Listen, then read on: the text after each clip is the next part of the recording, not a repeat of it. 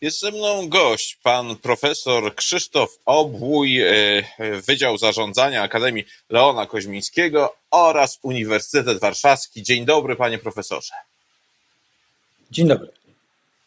Panie profesorze, no to porozmawiajmy o zarządzaniu firmą w tych szczególnych czasach, czasach wyjątkowej niepewności. Dopiero co skończył się albo, albo nawet jeszcze się nie skończył e, COVID, pandemia E, mamy wojnę e, bardzo blisko e, Polski, mamy w końcu trudności gospodarcze u nas w kraju, w Europie i na świecie, związane chociażby z inflacją. No dobrze, i co teraz mają zrobić zarządy firm? Czy da się prowadzić biznes tak jak dawniej, przed COVID-em na przykład? Oczywiście, oczywiście uczciwa odpowiedź brzmi i tak, i nie.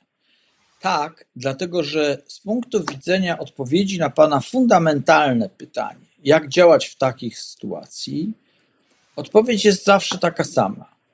To znaczy, są dwie opcje.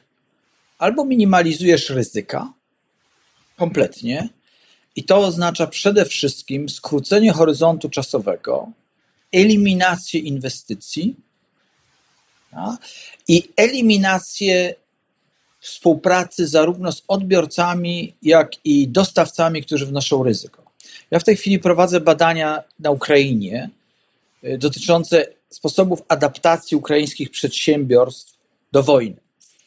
I właśnie wczoraj miałem bardzo długi, dwugodzinny wywiad i zapytałem człowieka, który prowadzi firmę, która ma 12 tysięcy osób jako pracowników, SoftServe, taka wielka firma y, obsługi komputerowej i software'owej. Gdyby mógł najkrócej scharakteryzować swoje postępowanie w tej chwili, to on dokładnie odpowiedział to, co powiedziałem. To znaczy, eliminujesz wszystko, co wnosi dodatkowe ryzyka, dlatego że otoczenie wnosi ryzyko. Teraz oni są w bardzo szczególnej sytuacji, bo oni nie dość, że mają wszystko to, co my mamy, no to jeszcze mamy, mają wojnę po prostu i zwyczajnie muszą dokonać realokacji kilku tysięcy pracowników, mają klientów po całym świecie, którzy zaczynają, prawda, się trochę e, bać, bo to jest cyberbezpieczeństwo. Natomiast te firmy, które z różnych powodów decydują się zaakceptować poziom pewnego podwyższonego ryzyka, muszą robić też to samo co zawsze, tylko troszkę inaczej. To znaczy, muszą myśleć strategicznie. I myślenie strategiczne od niepamiętnych czasów polega na tym samym. Musisz spojrzeć na otoczenie, dokonać analizy trendów, analizy sytuacji, odpowiedzieć na pytanie, co z tego, co się zmienia, jest dla nas ważne, prawda? I dlaczego? Wspomniał Pan inflację.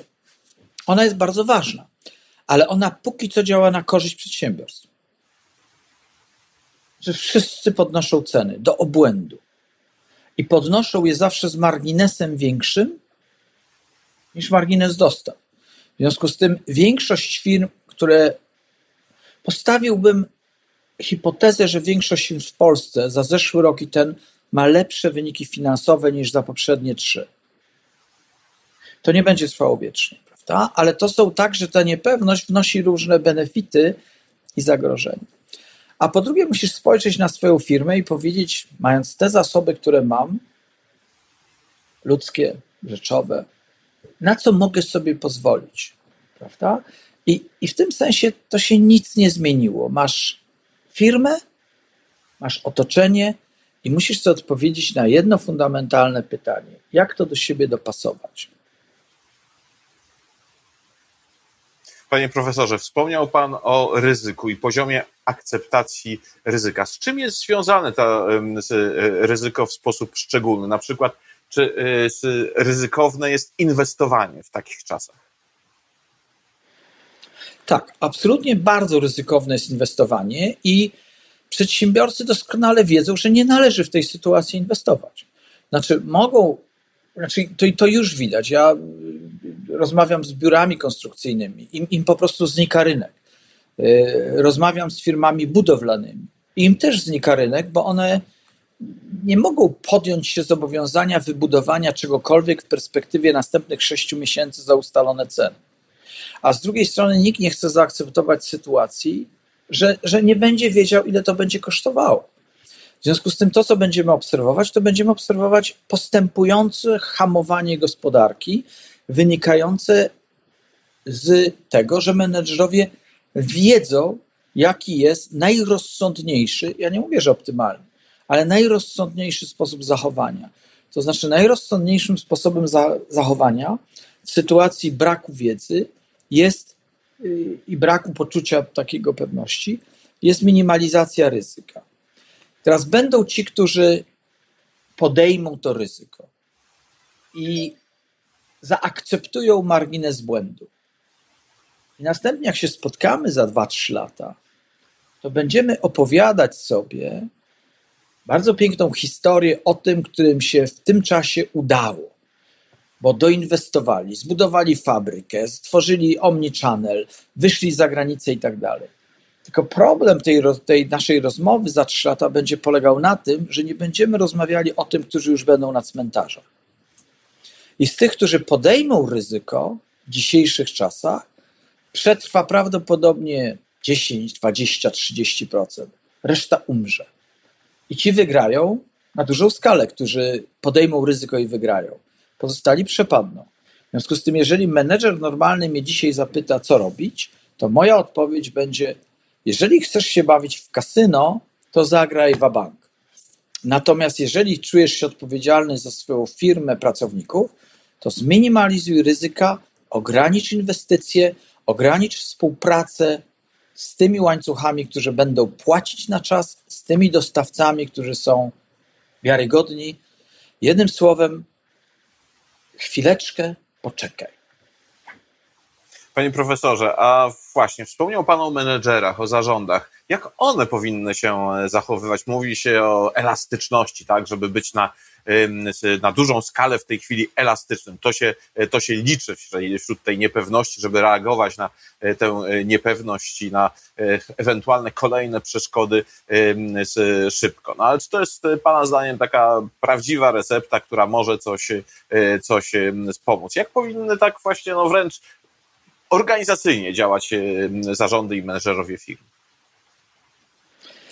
Ja, ja niezbyt wiem, co to znaczy być elastycznym. Jak się prowadzi firmę, która ma 12 tysięcy osób, to co to znaczy być elastycznym ja do końca, albo nawet 300 osób? I sprzedajesz, nie wiem, sprzęt łazienkowy albo żywność dla psów. No co to znaczy być elastycznym? Mam zacząć produkować parówki dla ludzi? Nie. W związku z tym uzgodnijmy, że jest coś innego, że trzeba reagować stosunkowo szybko. No? I teraz, jeżeli ja mam taką sytuację, że, że jest inflacja, no to ja muszę szybko podwyższać ceny. Jeżeli ja mam taką sytuację, że zamyka mi się Singapur, zamykają mi się Chiny, prawda, to ja muszę szukać alternatywnych źródeł zaopatrzenia. Najbliższa jest Turcja czy Serbia e, dla niektórych asortymentów. I w tym sensie ja jestem elastyczny, bo zmieniam dostawców, zmieniam odbiorców, troszeczkę modyfikuję asortyment.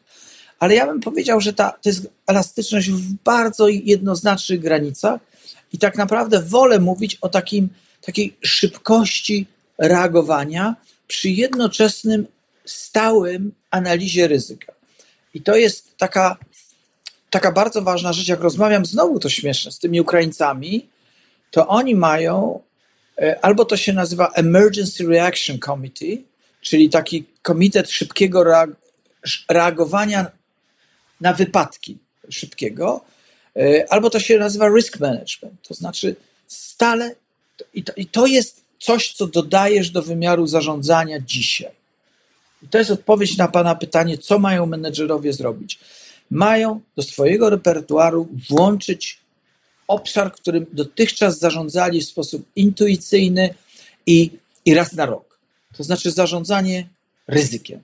I odpowiedzieć sobie na pytanie, w porządku, gdzie są podstawowe rzeczy, na które musimy reagować, i tak jak na Ukrainie, to oni musieli, jak się rozpęczała wojna, spotykać się raz dziennie, tak teraz się spotykają raz na tydzień, a w Polsce wystarczy, że się spotkają raz na dwa tygodnie czy raz na miesiąc i poświęcą ten czas, ten zarząd analizie ryzyk, które się pojawiły i które trzeba zaadresować.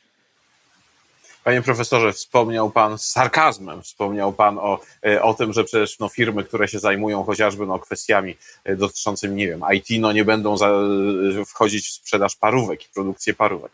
Ale czy to, jest, czy to nie jest tak, że pewnym wyjściem dla biznesu w tych, w tych czasach, gdzie dominuje niepewność, może być kwestia dywersyfikacji biznesu, żeby jednak postawić tę firmę, czy też próbować postawić tę firmę na kilku różnych nogach, kilku różnych e, filarach, no i no, te różnorodne wręcz branże, no, no, no, no nie będzie kłopotów wszędzie, prawda?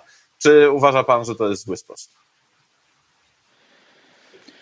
Każda dywersyfikacja wnosi dodatkowe ryzyko. To znaczy, to trzeba się uczyć od natury. Każda natura zmienia cokolwiek w funkcjonowaniu populacji albo gatunku w sytuacji skraj, w sytuacjach skrajnych zagrożeń. Dlatego, że przecież my nie wiemy, czy to będzie zmiana na lepsze, czy na gorsze. No proszę sobie wyobrazić, że pan się rozwodzi i wychodzi żenić drugi raz z nową swoją ukochaną kobietą. Czy to jest zmiana na lepsze? Skąd pan to wie? Przed ślubem, prawda? I, i przed pożyciem przez 3 czy 4 lata z tą osobą. W związku z tym, tak naprawdę to może się wydawać człowiekowi, że to będzie zmiana na lepsze, ale to się okaże w praniu. To jeżeli dotychczasowa pana żona jest po prostu straszna, albo mąż, jeżeli chcemy mówić, że gdyby ktoś był kobietą, prawda? No to wtedy możemy sobie powiedzieć, sytuacja moja jest tak beznadziejna, że każda zmiana będzie zmianą na lepsze. Nie, ale jeżeli firma jest w dobrej sytuacji, to dywersyfikacja jest zmianą wnoszącą ryzyko. Ja chciałbym bardzo jasno jedną rzecz powiedzieć. To znaczy, to nie jest tak, że tego ani nie można, ani nie należy robić. Dlatego, że jeżeli ja mam duszę przedsiębiorcy i jeżeli zaakceptuję to ryzyko i widzę szansę pewną, kreowaną przez tą rzeczywistość, to ja mogę to ryzyko podjąć.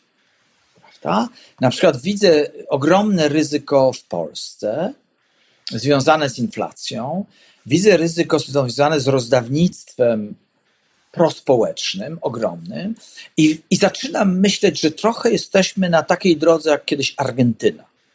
To może niekoniecznie w ciągu dwóch lat, niekoniecznie w ciągu pięciu, ale być może w ciągu dziesięciu lat ten kraj zbankrutuje po prostu pod ciężarem długu publicznego. I w związku z tym należy się na tą okoliczność ubezpieczyć, biorąc pod uwagę kryzys, który rocznie, i umiędzynarodowić w większym stopniu swoje operacje. I w związku z tym na razie moja fabryka w Polsce produkuje tanio i ja nie chcę nieść do Niemiec, które będą trzy razy droższe, ale może ja powinienem ją przenieść na Litwę albo do Słowacji, które są mniejszymi gospodarkami i z większym stopniu jakby zarządzanymi w sposób uporządkowany w sensie instytucjonalnym i ekonomicznym. I w tym sensie może Pan powiedzieć tak, to jest dywersyfikacja, ale ta dywersyfikacja ma na celu zmniejszenie ryzyk, a nie wnoszenie nowych. W związku z tym ja bym chciał tylko powiedzieć, że w sytuacji tak trudnej, kiedy się płynie w sztormie, kiedy morze jest wzburzone, rozpoczynanie balu na okręcie nie jest rzeczą poważną. Ale zmiana ożaglowania na mniejsze i powiedzenia sobie, płynęliśmy do portu X, ale popłyńmy w stronę portu Y, bo tam będzie mniej wiało, jest dywersyfikacją, którą można rozważyć. W związku z tym znowu wracamy do tego. Dywersyfikacja tak pod jednym warunkiem, że ona zmniejsza ryzyko w funkcjonowaniu firmy, lub jest tak gigantyczną obietnicą finansową, co jest mało prawdopodobne, że w gruncie rzeczy mogę zaakceptować podwyższone ryzyko w zamian za ten garnek złota, który czeka mnie na końcu tęczy.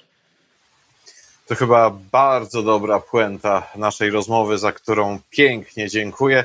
Moim gościem był pan profesor Krzysztof Obój, ekspert od zarządzania. Jeszcze raz dziękuję, panie profesorze. Bardzo dziękuję.